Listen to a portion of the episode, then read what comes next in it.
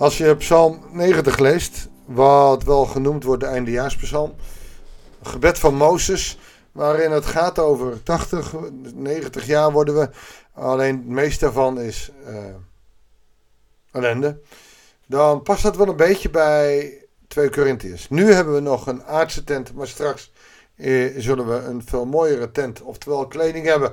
We zullen verheerlijkt worden. Paulus kijkt met ons naar de toekomst. Om daarmee de huidige tijd iets, wat zullen we zeggen, te relativeren.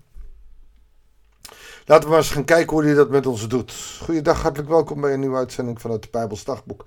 We lezen uit 2 Korintiërs, hoofdstuk 4, vers 13 tot en met hoofdstuk 5, vers 5.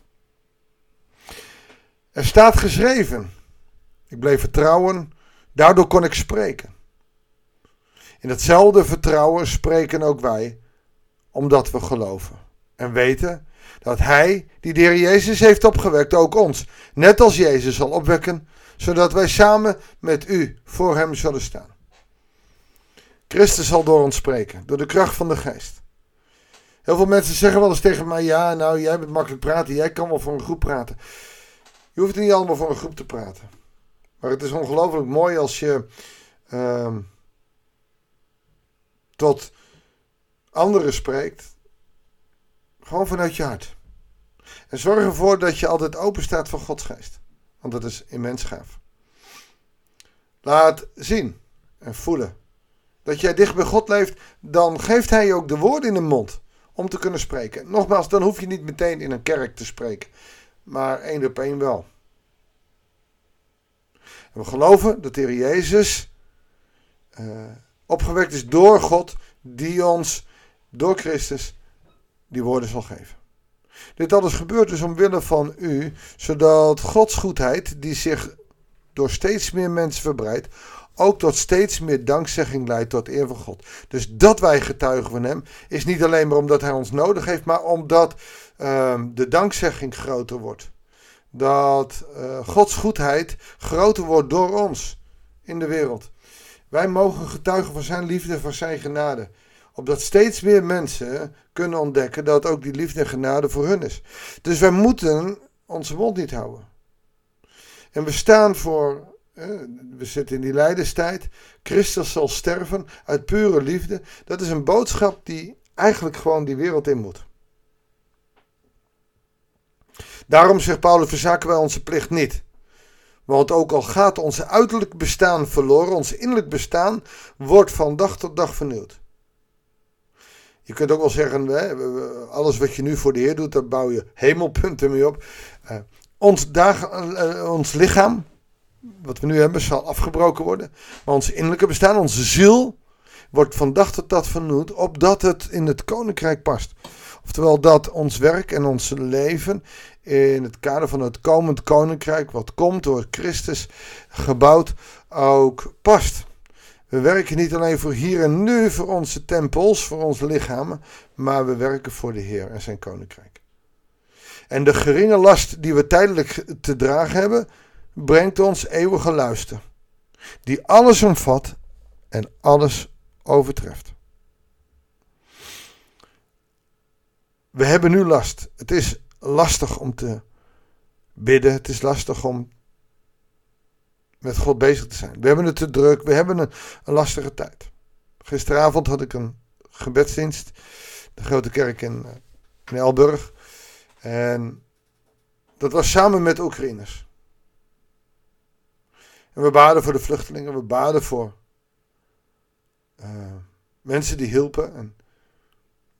Maar aan het eind hebben we ook gebeden, in opdracht van de Heer Jezus, voor onze vijanden. En de vertaalster brak toen. Dat was zo moeilijk. Maar door dat te doen kunnen we vrede brengen. En die vrede begint bij onszelf.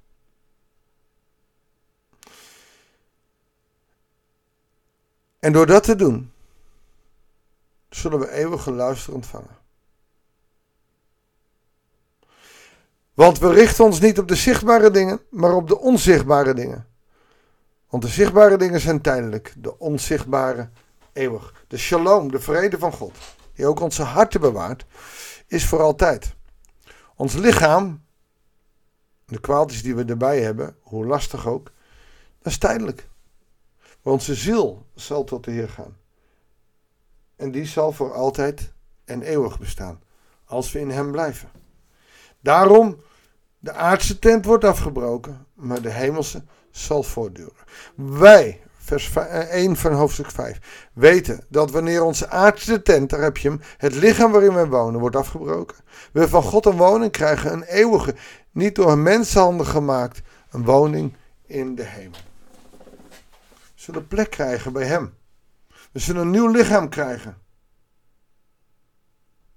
Wij zuchten in onze aardse tent. En zouden willen dat onze hemelse woning er nu al wordt aangetrokken. Maar dan wel het liefst onder onze voorwaarden hier en nu.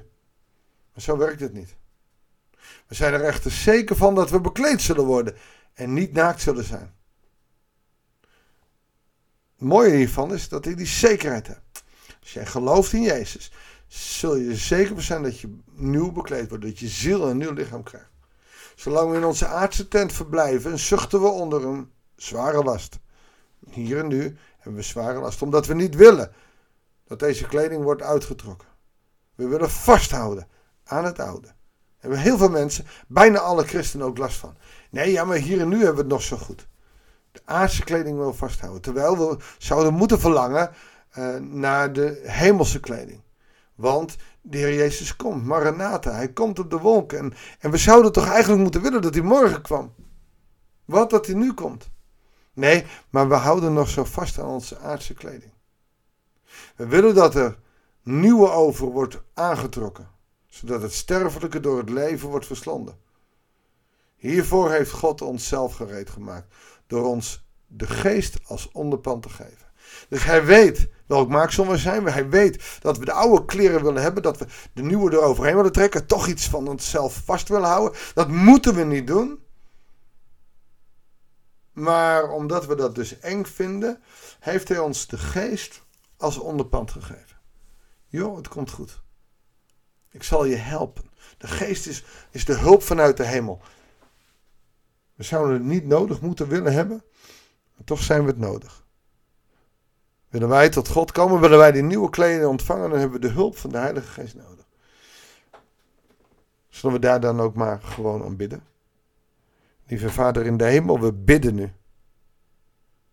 In naam van de machtige God. In uw naam. Geef ons de vrijmoedigheid om te spreken door de kracht van uw geest. Vul ons met uw Heilige Geest. God, als we moeite hebben onze aardse kleren, onze aardse tent los te laten. Heer wil ons het lef geven om te verlangen naar uw wederkomst. Heer, en we bidden u ook. Kom spoedig. Als het aan ons ligt, duurt het nog een tijd, want we willen nog zoveel. Maar als ik naar de wereld kijk, Heer God, dan wordt het tijd dat u komt, omdat de wereld in brand staat, omdat het een puinhoop is. Hoeveel miljoenen mensen zijn er inmiddels gevlucht uit de Oekraïne? Wat een drama speelde zich daar af, Heer. Wijs met deze wereld. Wil het uw shalom geven. Omdat de wereld hoop houdt. Daar waar de hoop nu uit de levens wordt geslagen. Heer, zegen ons zo. Ga met ons mee. Dat bidden we in Jezus' naam. Amen. Dankjewel voor het luisteren. Ik wens je God zegen. En heel graag tot de volgende uitzending van het Bijbelsdagboek.